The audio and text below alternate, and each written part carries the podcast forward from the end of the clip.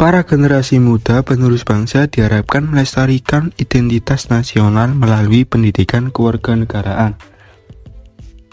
Dengan mempelajari pendidikan kewarganegaraan, kita bisa mendapatkan bekal kecerdasan intelektual, kecerdasan emosional, kecerdasan sosial, dan kecerdasan spiritual.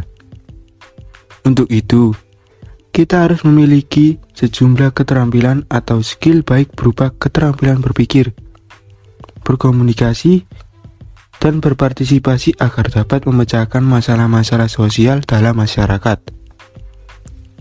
Keberagaman yang dimiliki bangsa Indonesia haruslah menjadi alasan untuk kita saling menjaga satu sama lain.